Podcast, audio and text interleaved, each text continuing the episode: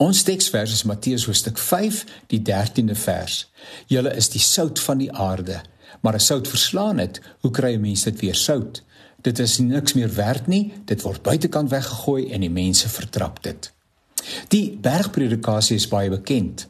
In hierdie bepaalde gedeelte word die lewe en optrede van kinders van die Here aan die orde gestel. Beide die positiewe en die negatiewe word gestel. Dis 'n interessante gedagte, hè, sout wat verslaan. Ek lees hierdie interessante verduideliking raak op die internet. Die gedagte dat sout kan verslaan of laf word, soos die 53 vertaling sê, is dalk vir ons vreemd.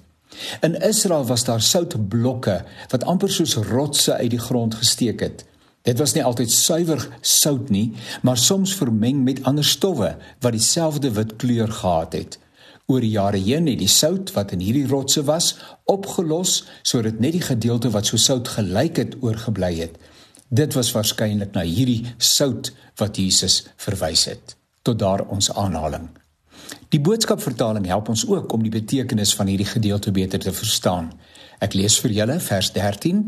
Julle is sout wat smaak moet gee aan hierdie smaaklose wêreld waarin almal in sonde leef. As jy dit nie doen nie, beteken jy net mooi niks vir God nie. Dan kan hy julle net sowel op die ashoop weggooi. Tot daar die aanhaling. Suid-Afrika is 'n baie de mekaar plek en die vraag word dikwels gevra: Hoe is dit so in 'n land waarby en waarin by verre die meeste mense getuig dat hulle Christene is?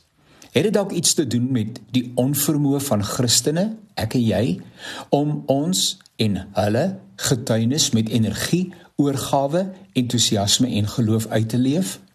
Is daar 'n moontlikheid dat kinders van die Here in Suid-Afrika in so 'n mate soos die res van die wêreld optree dat hulle nie meer as Christene gekenmerk en erken kan word nie? Kom ek maak die vraag nog meer prakties. Weet die mense rondom jou, in jou vriendekring, by die werk, ja selfs in die gemeente dat jy 'n oortuigde Christen is? Getuig jou lewe van kompromieë wat ernstige twyfel oor jou kristendom teweegbring. Sal mense wat probleme ervaar jou nader omdat jy 'n Christen is en hulle besmoontlik sal kan help. Uiteraard is hierdie vraag ook op my van toepassing. Op Sondag 13 Augustus is daar 'n dag van verootmoediging en gebed wat deur die NG Kerk georganiseer word. Dit is net wanneer 'n mens onder die oortuiging van die Heilige Gees is dat jy jouself verootmoedig. Dalk het gelowiges in Suid-Afrika nou 'n geleentheid om reg te maak, reg met die Here en reg met ander.